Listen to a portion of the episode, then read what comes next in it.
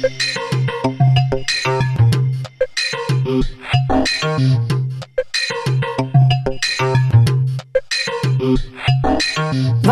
floreert de ene persoon onder bepaalde werkomstandigheden en krijgt de andere een burn-out? Dat is precies wat we gaan uitvinden in deze podcast. Mijn naam is Mirjam Slijkeman en als high-end business coach help ik ambitieuze ondernemers door te groeien naar een hoger niveau met hun bedrijf, zodat zij kunnen werken onder hun eigen voorwaarden met de beste klanten tegen de beste prijzen. In mijn podcast spreek ik met deelnemers uit mijn programma, oud-klanten en of andere high-end ondernemers uit mijn netwerk. Ik ben nieuwsgierig naar hun drive, de weg die zij hebben afgelegd en vooral welke impact zij willen maken voor hun klanten. En vandaag ga ik in gesprek met niemand minder dan Sandra Klein. Sandra is de expert op het gebied van persoonlijke energie op het werk. Haar onderzoek naar dit thema is in volle gang en ik ga haar uiteraard bevragen naar haar bevindingen tot nu toe. Na 17 jaar werkzaam te zijn geweest bij grote corporaties in de sales, marketing en HR, besloot zij dat het tijd was om haar onderzoeksresultaten op zichzelf te toetsen. Ze gooide het roer om en heeft een bedrijf opgezet waarbij ze een persoonlijk energiemodel heeft ontwikkeld en deze heeft vertaald naar energiemanagement trainingen en loopbaanontwikkelingprogramma's voor bedrijven. Nou, een hele mond vol. In 2023, juni om precies te zijn, komt haar boek uit. En uh, dit persoonlijke energiemodel dient tevens als ruggengraat van haar boek. Inmiddels is ze een uh, veelgevraagd spreker tijdens events en is zij docent aan de Vrije Universiteit in Amsterdam en bij de School of Life. Binnen één jaar hoopt zij te promoveren als zij haar PhD heeft afgerond. Nou, echt genoeg om over te praten. Mooie intro, Sandra. Welkom. Prachtig, prachtig. Dankjewel. Nou, het is ook echt uh, indrukwekkend. Uh, dus in die zin superleuk om deze podcast met jou te gaan doen. En het persoonlijk energiemodel, je onderzoek. Nou, we willen alles weten. Maar ik begin altijd even met de vraag. Wilde je dit als klein meisje ook al? Een persoonlijk energiemodel ontwikkelen? Nou, gewoon echt bezig zijn met energie op het werk. Of was je, wat wilde je worden toen je vroeger klein was? Um, toen ik vroeger klein was, wilde ik, en ik noemde het boekenkaftenontwerper worden. En later, later leerde ik dat dat illustrator heet. Maar uh, ja, en ook affiches in de bushokjes, dat wilde ik graag uh, ontwerpen. Dus ik was dat aan het tekenen en zo. Ik vond dat ik betere kaften kon maken dan andere boekenkaften. Huh? Grappig inderdaad. En wat maakt uh, dat dat het niet is geworden? Waar, waar is die weg rechtsaf gegaan? Nou, ik eigenlijk altijd wel. Ik ben altijd blijven tekenen. Dat doe ik eigenlijk nog steeds wel, wel veel. Um, maar ja, er zijn maar zoveel dingen die we kunnen doen en zoveel werkidentiteiten die we allemaal hebben. Dus het kant van het tekenen doe ik er een beetje naast. En uh, meer werken met mensen, dat is toch meer waar mijn hart ligt. Ja, je hebt een hele stap gemaakt, want je zat gewoon in corporate life. Ja, Sales, ja. marketing, HR. Ja. Uh, hoe lang heb je dat gedaan ongeveer? 17 jaar, dus uh, alles bij elkaar. Oh ja, inderdaad. 17 jaar, dat is echt wel lang. Wat was voor jou het moment dat je echt dacht, en hoe kwam je met die onderzoeksresultaten in aanraking, dat je echt dacht, ik ga dit nu op mezelf toetsen? Ja, nou, ik had um, gewoon dagen dat ik... Uh, in die tijd werkten we nog allemaal op kantoor, uh, 40 uur in de week. Dat is nu ook wel anders. Voor corona, ja, kun je bijna niet meer nou, voorstellen. inderdaad. Gekkenhuis. En uh, wat ik toen merkte, dat de ene dag kwam ik echt thuis en had ik zin om te koken, om te sporten, om af te spreken met vriendinnen. En de andere dag kwam ik thuis en ja, dan voel je gewoon een uitgewrongen vaatdoekje en wil je gewoon alleen maar op de bank uh, liggen met een dekentje en Netflix kijken. En toen dacht ik, waar ligt dat nou aan? En ik kan iedere keer wel wijzen naar, oeh, nu was mijn, uh, een collega onaardig tegen me. Maar ik dacht, ja, ik heb daar zelf een bepaalde verantwoordelijkheid in om het ook naar mijn zin te hebben op het werk en ook de omgeving. En toen ben ik dat eigenlijk gaan onderzoeken. Dus wat maakt nou dat je de ene dag vol met energie zit en de andere dagen niet? En hoe kan je dat een beetje sturen? En op welke manier ben je dat gaan onderzoeken? Hoe onderzoek je dat? Ja, Um, nou, ik ben toen, um, toen ik in marketing zat, toen ben ik ook gevraagd om, uh, om daarnaast extra trainingen uh, te geven. Dus toen ben ik me al bezig gaan houden met energiemanagement. En um, ja, toen ben ik eigenlijk data aan het verzamelen. Want ik wilde wel weten, oké, als ik deze training geef, in hoeverre voel je dan dat je energie toeneemt? Toen dacht ik, ja, dit is data. En ik wilde altijd eigenlijk al een PhD gaan doen. Dat kwam ook ergens vandaan. Ik Voor de mensen die niet weten wat een PhD oh, ja, is. sorry. Ja, ja. Ehm, nou, je kunt naar de universiteit gaan en dan heb je tegenwoordig heet dat een master. En de volgende stap na een diploma van de universiteit, dat heet een PhD.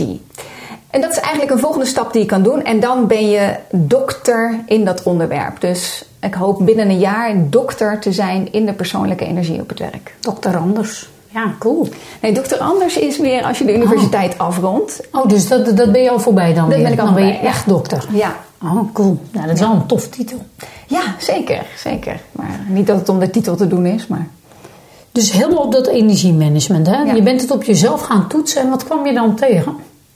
Ja, ik merkte dus dat. ehm, nou, bijvoorbeeld, ik had een keer een, ehm, een leidinggevende en ehm, ja, die vond het gebruikelijk om tegen mij en tegen het team echt eh, te schreeuwen. Gewoon stem verheffen en eh, waarom is dit nog niet af? Of waarom hebben jullie dit zo gedaan? En ik, ik schrok daar nogal van. En ik had de gedachte, oké, je ziet toch dat ik en mijn collega's daarvan schrikken en dat niet als een veilige situatie zien. Ehm, met de hoop dat zij dat in zou zien en zelf haar eigen gedrag zou veranderen. Nou ja, zo werkt het dus niet. Dus je kan niet eh, ervan uitgaan dat anderen een gedrag uit zichzelf gaan doen. Ik moet zelf ander gedrag gaan vertonen om eh, aan haar duidelijk te maken: eh, dit werkt niet zo. En toen dacht ik, ah, oké, dus als ik ander gedrag laat zien aan haar en zij ziet dat en zij kan haar gedrag aanpassen, dan gaat mijn energie wordt daar beter door. Dus dat heb ik uiteindelijk toen gedaan. Heb ik tegen haar gezegd dat ik het gewoon niet veilig voelde als ze zo schreeuwde. Nou, dat, ze was er helemaal niet bewust dat ze zo schreeuwend eh, commandeerde. Ja, dus dat- knap Ja. dat je dat bent aangegaan. Ja, zo, en ook eh, knap van haar dat ze dat goed kan horen. Hè? Want Ja. dat is ook eh, Ja, niet het iedereen kan twee kanten horen. Ja, precies. En als je nou kijkt naar het energiemanagement, hè, dat vind ik interessant. Want waar lekken mensen het meeste energie? Hè? De titel is Waarom floreert de ene persoon onder bepaalde werkomstandigheden en krijgt de andere een burn-out? ja.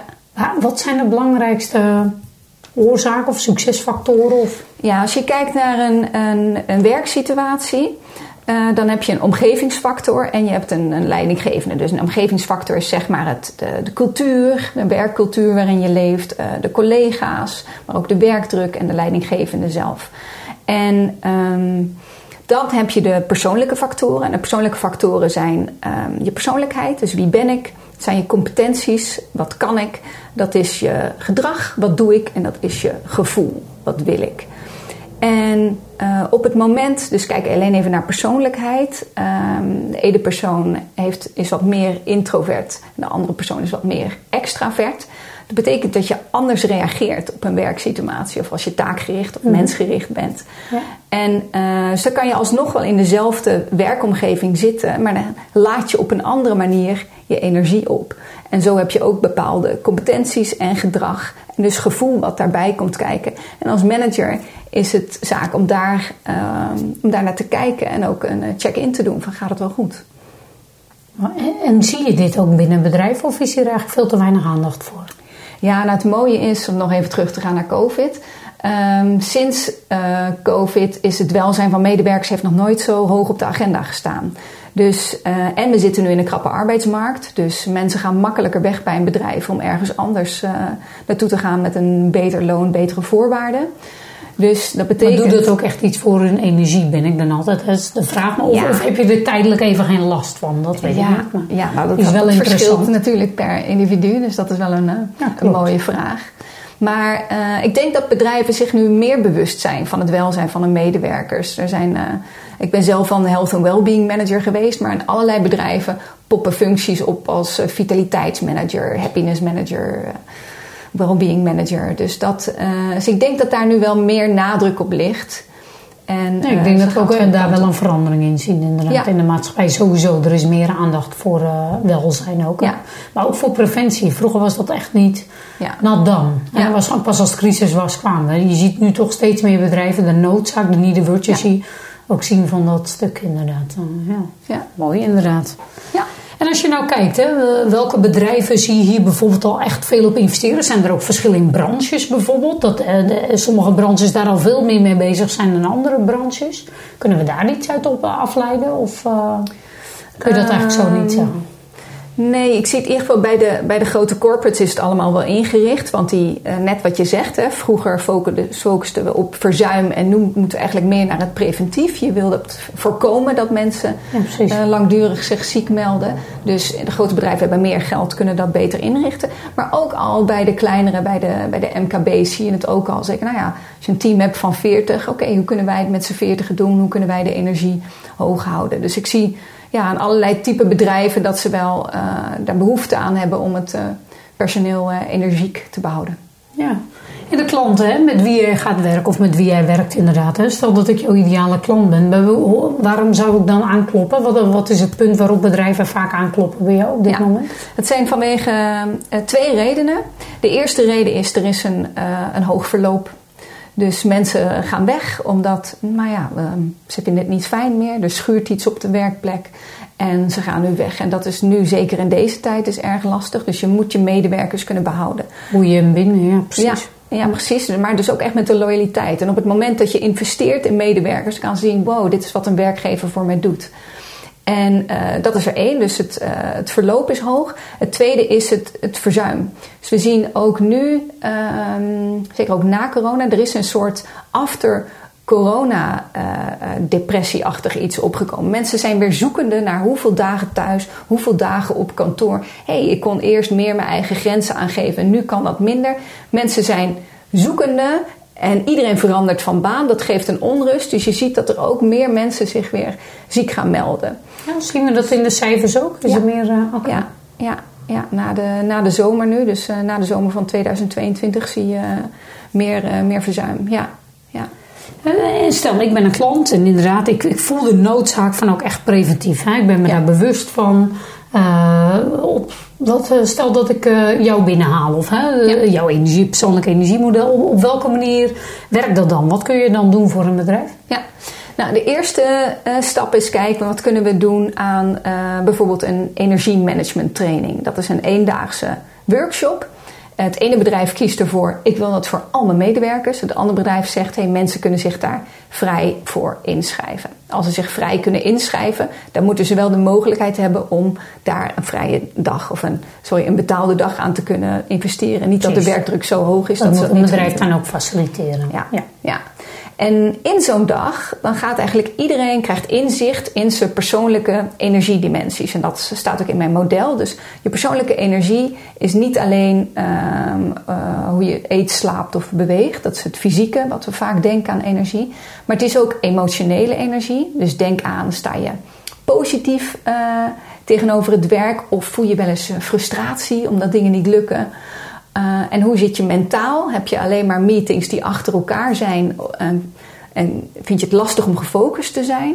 Dus daar kan je ook op leeglopen. En tot slot heb je spirituele energie. En dat is eigenlijk voel je betekenis in je werk. Voel dat je een verschil maakt, uh, geeft het je zingeving. Dus je hebt fysieke, emotionele, mentale en spirituele energie. Vier pijlers binnen het energiemodel. Ja, ja, dat zijn eigenlijk de vier dimensies van persoonlijke Ja. Energie. Dimensies noem je ja. Ja, ja. en daar spelen dus die factoren in als de omgeving en de leidinggevende en van jezelf dus. ehm, wie ben ik, wat kan ik, wat doe ik en wat wil ik. En dat speelt eigenlijk in op alle vierde dimensies. En dat in één zo'n dag, in één zo'n workshop maken we dat inzichtelijk. Hé, hey, waar zit voor jou een, een energiegever en wat is voor jou een energievreter? En waar kan je meer mee spelen? Sommige mensen denken, oké, ik, ik heb gewoon chronisch te weinig slaap. En anderen zeggen, ik heb gewoon geen pauzes. En anderen zeggen, hey, ik ben eigenlijk helemaal niet bezig met wat ik belangrijk vind. Dus dan moet je meer op de spirituele zitten. Ja, precies, En slapen is meer fysiek. Ja.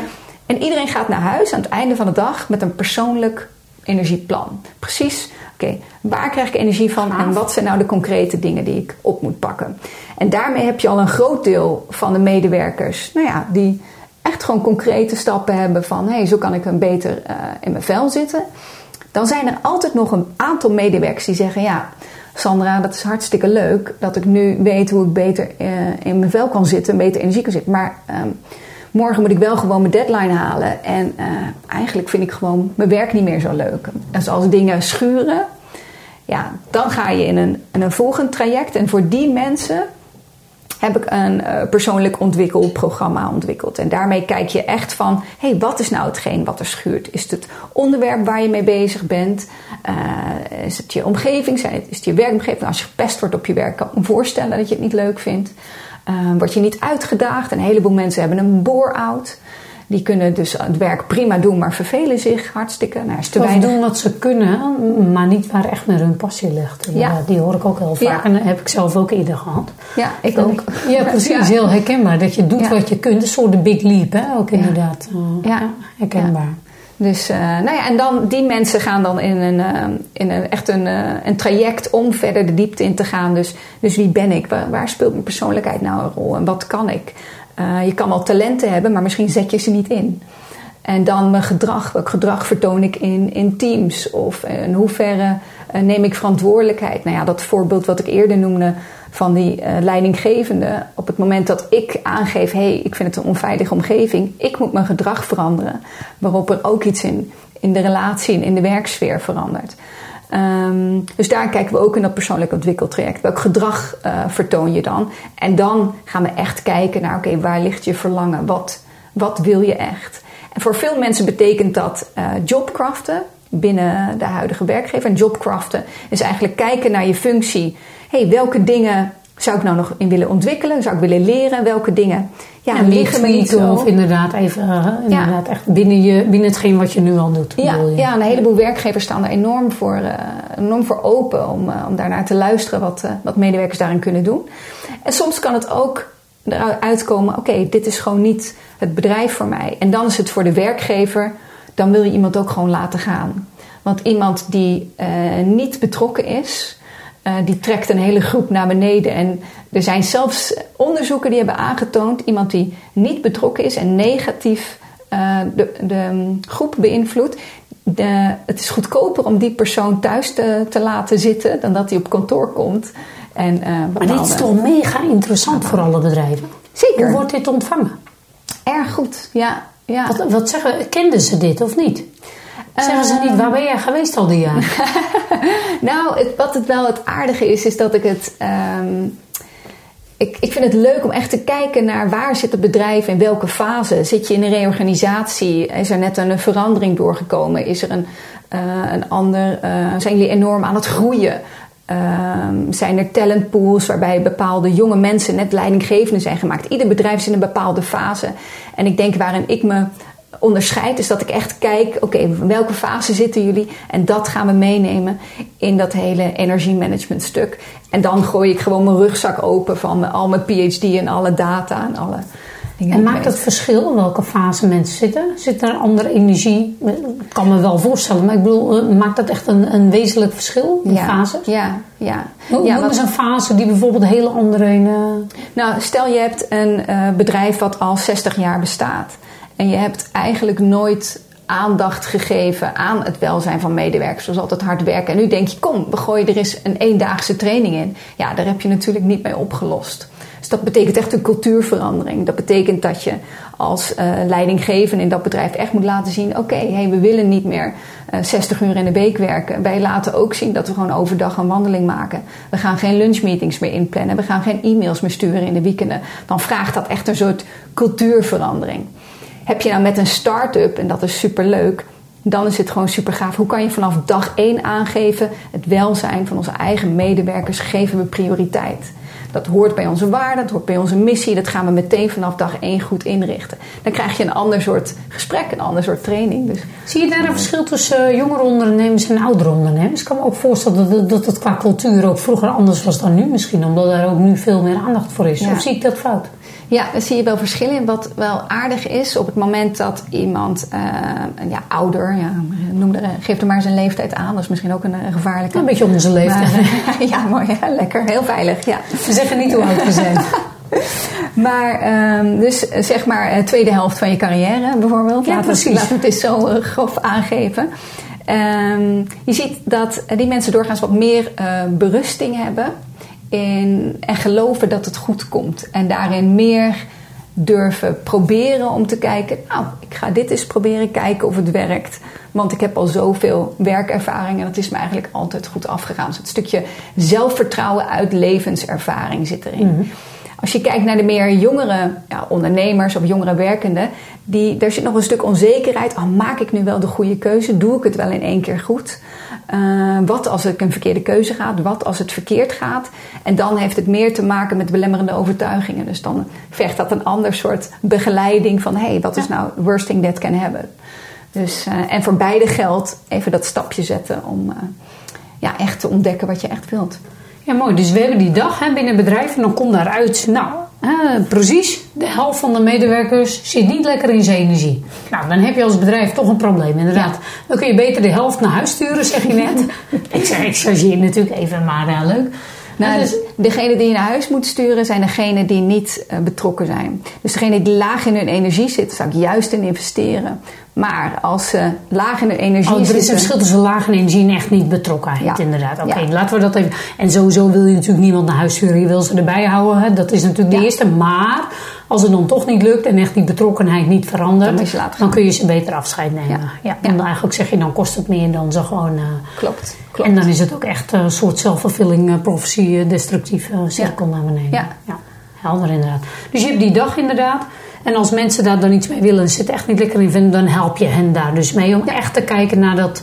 Help je bedrijven ook met die transformatie te maken? Want stel dat Ja. hè, de, die leidinggever, want ik kan me voorstellen, oké, dan komt uit dat, dat mijn halve team zijn energie zit. Hè, dat is niet alleen een taak voor de leidinggever. Als ik iets geleerd heb in cultuur, is dat het door de hele organisatie gaat. Zeg Ja. maar, uh, Ja. Wat dan? Ja, nou ik heb een, uh, een tijdje terug, een, uh, dat was ook naar aanleiding van een um, energy management workshop. Daar kwam eigenlijk het, iets vergelijkbaars uit. Toen zeiden een heleboel van ja, nu weet ik wel hoe ik mijn energie moet managen. Maar ik, ik denk toch dat ik onvoldoende de tijd krijg om even overdag een wandeling te maken. Dat had Ja, precies. Het met- moet ook gefaciliteerd worden in de cultuur, Ja. hè? Inderdaad. Ja. Je kan het niet En alleen. ehm, toen heb ik een vervolgworkshop gedaan eh, met het hele, het hele team.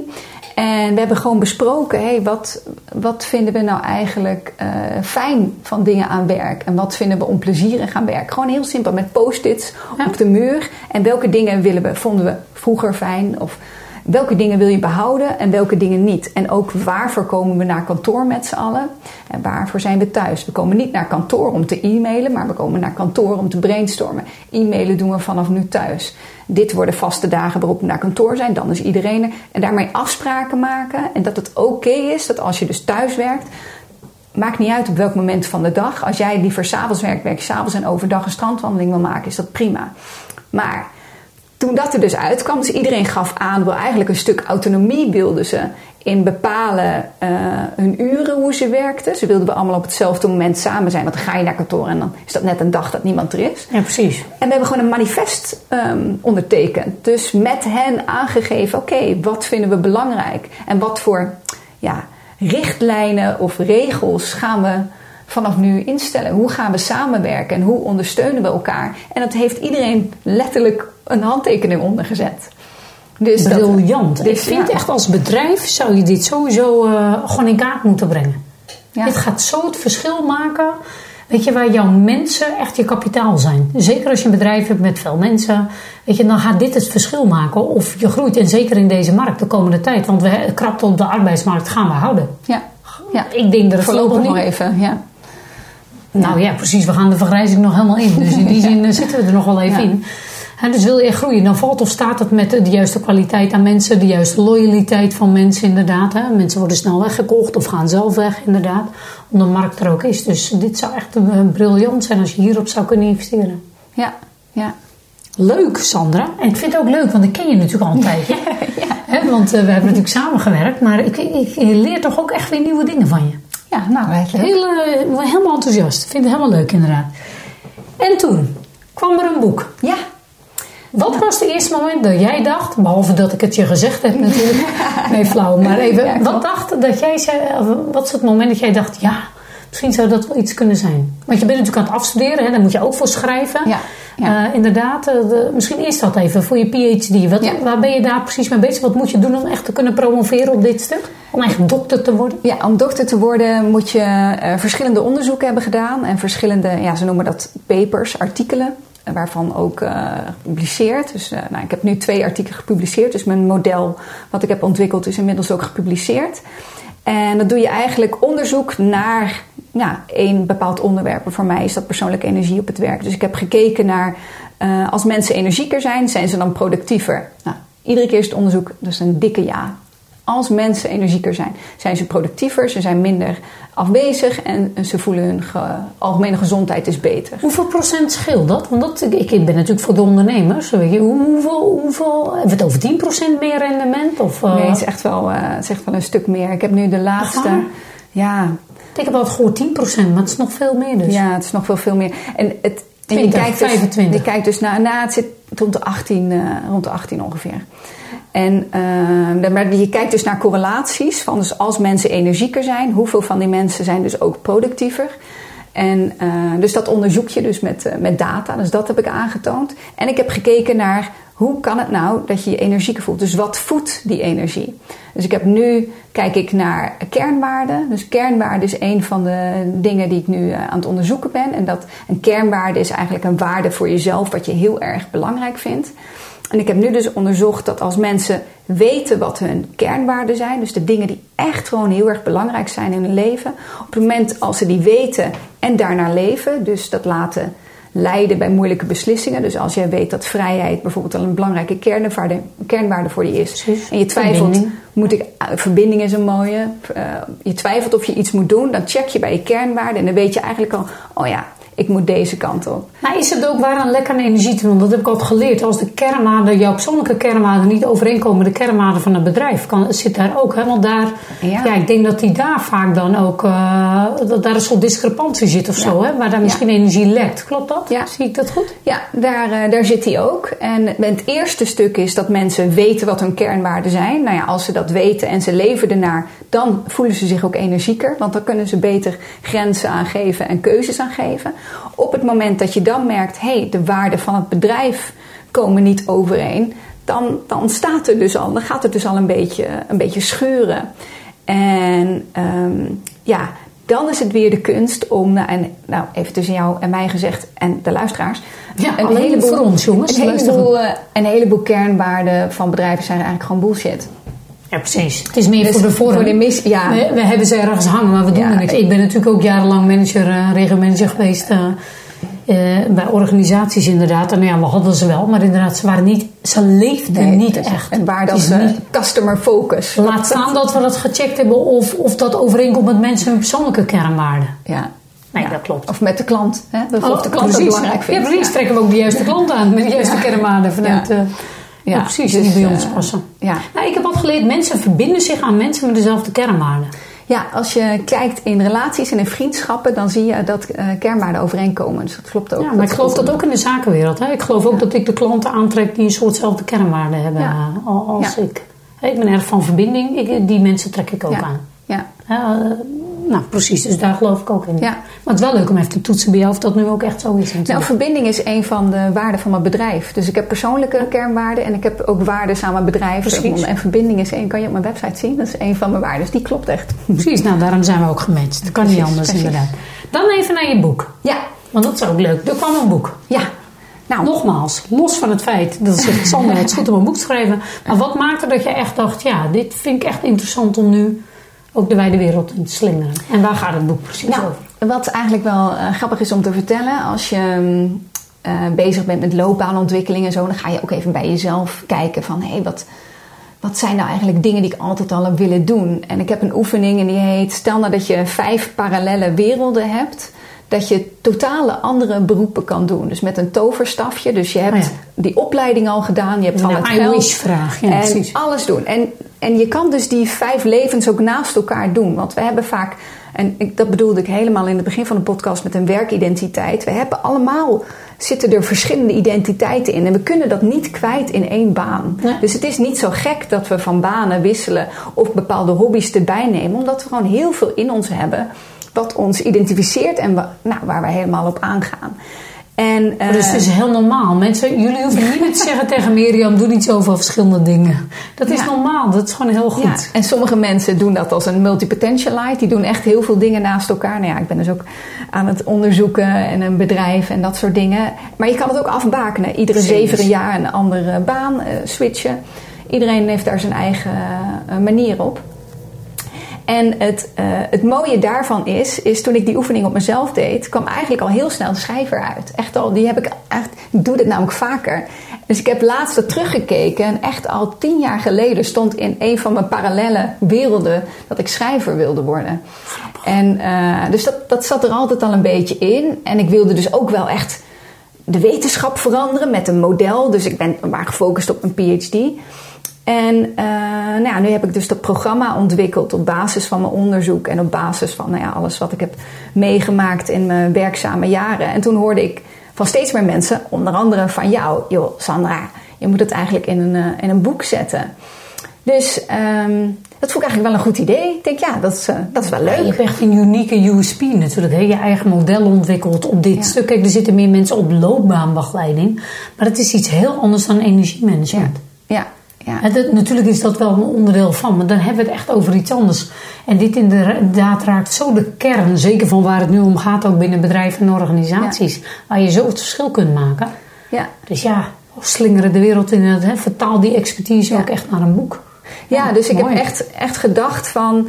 Um, niet zozeer van hé, hey, wat, wat het, het eruit slingeren, naar het delen. Maar ik dacht ook echt, oké, okay, ik ga gewoon het boek schrijven dat ik zelf had willen lezen. Dat ik zelf ja, mooi, mooi. nodig had. Goed, en ik ben zelf natuurlijk ook zoekende geweest. Omdat je, hé, hey, dit past niet en dat past niet. En ja, wat, wat wil ik nou? Dat je wel eens af kan vragen, ja, nu ga ik weer deze kant op. Maar wat wil ik nou echt? Nou, en dat is dus ook de titel van mijn boek.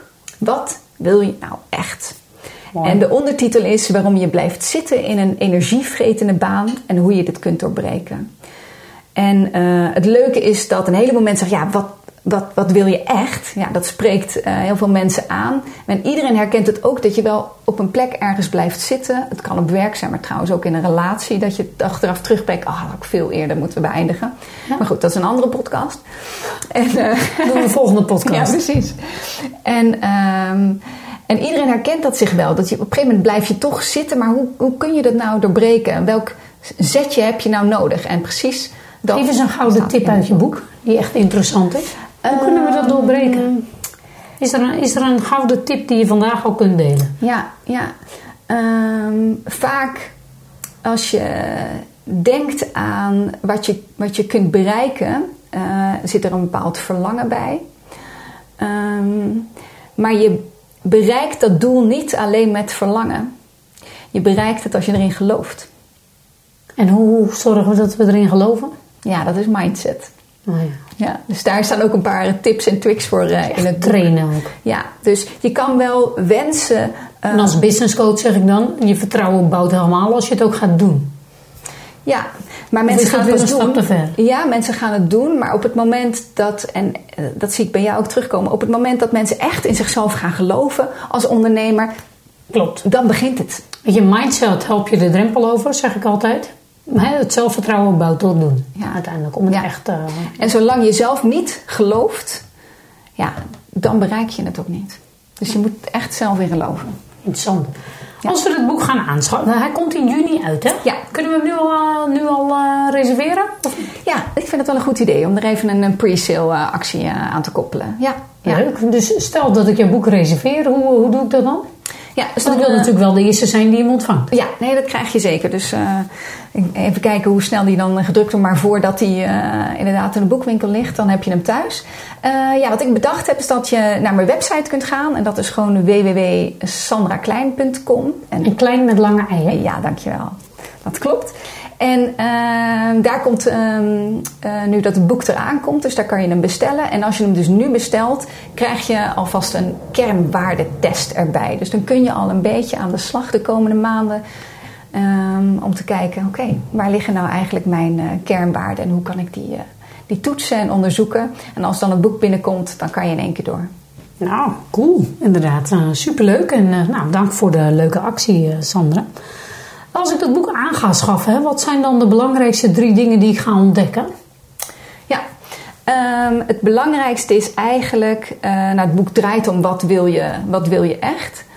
Uh, dus wat je gaat ontdekken, en het grappige is, vaak voel je ergens al in je lijf, hey, dit vind ik gewoon super leuk of super gaaf. En wat je gaat ontdekken is, welk setje heb je nodig om daadwerkelijk die kant op te gaan, om het leven te leiden dat je wilt leiden. Om de energie te volgen, durven volgen. Is Ja. dat dat ook letterlijk? Want Ja. Dat zeg ik altijd, volg de energie letterlijk.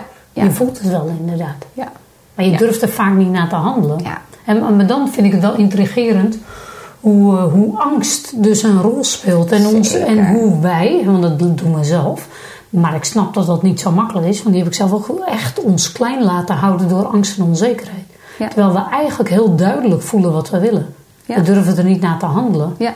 En dat heeft zoveel in. Want daarom denk ik ook dat best een grote groep mensen blijft zitten in een baan eh, waardoor ze, ja, waar ze eigenlijk helemaal niet blij zijn. Ja, ja. Want- En, en dat heeft vaak dan weer te maken met eh, belemmerende overtuigingen of dingen van. van Of ook gewoon realistisch. Je bent eh een ouder en je hebt in de moet geld op de plank komen. Ja, weet je, als je een overstap maakt, ja, krijg je dan weer hetzelfde. Of Ja. je weet nu wat je hebt. Ja, het, het voedt je niet meer. Eigenlijk al lang al niet meer. Maar ja, je weet wel, je hebt wel je zekerheid nu. Ja. Hè? Dus Heel dat ik- ja, ik snap dat soort eh, afwegingen, snap ik ook echt. Ja. Maar ik vind het wel heftig voor mensen inderdaad. Eh, want we hebben maar één leven. Ja, Weet je wel, en ik, dus ik, ik eh, weet hoe. ook ik heb natuurlijk toen moeten springen. Echt. en dat, ik ben uiteindelijk wel gesprongen. Dat was ook eigenlijk na een soort ja, aantal live events. Dat ik dacht, nou ja, we leven helemaal niet. We worden allemaal niet helemaal 80. ja, veel mensen in mijn omgeving gingen, werden toen ziek of gingen toen dood. Toen dacht ik ook, ja, pluk de dag en laat angst niet leidend zijn voor wat je echt wil. Ja. Dus meestal komt er iets aan te pas. Of raak je burn-out inderdaad, dan maak je vanuit daar. Maar Ja. eigenlijk is het wel heftig dat het zo ver dus moet komen. Dat het zo impact heeft voordat we eigenlijk de keuzes durven maken vanuit de energie. ja, Die we eigenlijk al wel voelen. ja. Wat is dat dan toch? Ja, het heeft met zoveel dingen eh, te maken. Het heeft te maken met onder andere je, je opvoeding. Dus welk beeld heb jij over jezelf dat je gaat doen? Eh, hoe belangrijk je het vindt. Nou ja, die alleenstaande moeder, dus voor het gezin. Dus, dus angst dat het ergens anders niet beter wordt.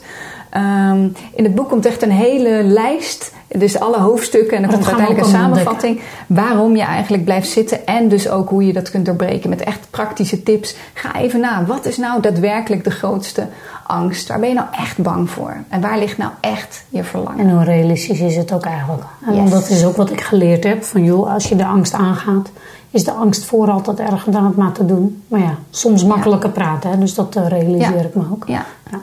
Oké, dus dat stuk, die kernwaarden. Stel dat mensen het boek kopen, krijgen ze de kernwaardetest al. Dus we kunnen Klopt. echt meteen aan de slag. Ja, precies. En dan in de pre-sale dan heb, jij de, heb jij als eerste het boek in huis. Superleuk inderdaad. En eh, nou ja, goed. eh, is er nog iets, Sandra, wat, we, wat jij... eh, nou ja, als mensen hier luisteren. Ik kan me voorstellen dat heel veel mensen zich hierin herkennen. Mhm. Sowieso als jij in een baan zit of een bij een organisatie waar je denkt: Goh, ik voel het eigenlijk al niet meer. Ik ben ook zo iemand die de energie niet meer voelt. Hè, dat Ja. kan. Of je bent een bedrijf en inderdaad denkt: Jeetje, ik zou dat wel willen weten. Ja, ja. Want nu ik hoor dat het 18% rendement scheelt, hè, dan kan ik of meer groeien, of mensen boeien en binden, of nou ja, wat dan ook. ja, ja.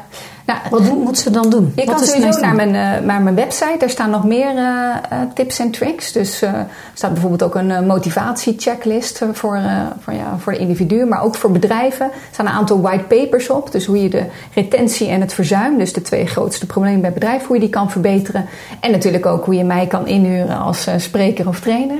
Dus je staan, spreekt eh, ook veel hè, op ja. podia inderdaad. Ja. Dat niet, maar dat is ook leuk inderdaad. Ja. Ja. Nou, maar ik kan me ook voorstellen dat dit echt een interessant onderwerp is voor veel... eh, ja, steeds meer aandacht voor ook. Dus Ja. echt mensen wel... eh, Ja, ja, dat krijgt echt steeds meer zichtbaarheid. Dat is wel, wel heel gaaf. Ja. Dus je bent een boek als spreker. Ze kunnen gewoon met jou aan de slag. Wil je meer over Sandra weten, download gewoon een hoop dingen. Wil je haar boek in de pre-sale met meteen de kernwaardetest. Weet je, alles kun je vinden op je website www.sandraklein.com met lange. Ja. Dus niet .nl. Nou, dan kom je er ook. Dus dat maakt Oh, niet uit. Dat maakt niet uit inderdaad. Superleuk, eh, Sandra. Als je nou één gouden tip mag geven voordat we gaan afsluiten. eh, wat zou dat zijn? Wat zouden mensen vandaag al kunnen doen op het moment dat ze zich zo voelen en nu in een baan zitten waarvan ze denken. Even los van je boek kopen en de kernwaardetest krijgen. Maar heb je nog een gouden tip? Ja, ehm, vaak als mensen het echt niet weten, gewoon, ik, ik weet echt gewoon niet waar ik moet beginnen. Ik weet echt gewoon niet wat ik wil. Denk dan aan wat er nu zo ontzettend schuurt of, of pijn doet in je leven. Op het, op het werkvlak of andere dingen. Want waar pijn is, aan de andere kant zit namelijk een verlangen wat je wel wilt. Dus als je Waar het schuurt zit groei. ja, ja. En daar kun je het ontdekken. Mooi. Dankjewel uh, Sandra. Echt heel interessant. En ik kan me echt voorstellen als eh, bedrijf dat dit voor jou interessant is. En ook als je op dit moment in een baan zit die gewoon meer energie kost dan dat het oplevert. Sowieso, check het voor jezelf. Ga 2023 in uh, met een nieuwe, een nieuwe zeg maar, punt voor ogen, zeg maar, een nieuw doel. Om in ieder geval je energie in balans te krijgen. Of in ieder geval dat het meer energie gaat opleveren dan dat het kost. Kijk even op haar website Sandra Klein, www.sandrakleinmetlangeei.com. En uh, nou, ik wil je hartelijk bedanken. Sowieso ben je een superleuk mens, want uh, wij kennen elkaar. Echt mooi hoe je dit ontwikkeld hebt ook. En uh, hoe je dit hebt neergezet in de markt. En ook hoe je het doel gaat ontwikkelen. Steeds meer naar de bedrijven ook. Ja. Want dat is eigenlijk de stap. Hè. Met individuen werkt je al. Ja. Maar steeds meer met bedrijven waar je ook ziet dat er gewoon steeds meer vraag is. En waar je ook echt de impact en het verschil kunt maken. Ja. Ook voor bedrijven. Volgende keer weer een nieuwe podcast. Uh, mijn naam is Mirjam Slijkeman. En uh, welke podcast we dan hebben, dat uh, blijft nog even een verrassing. See you next time.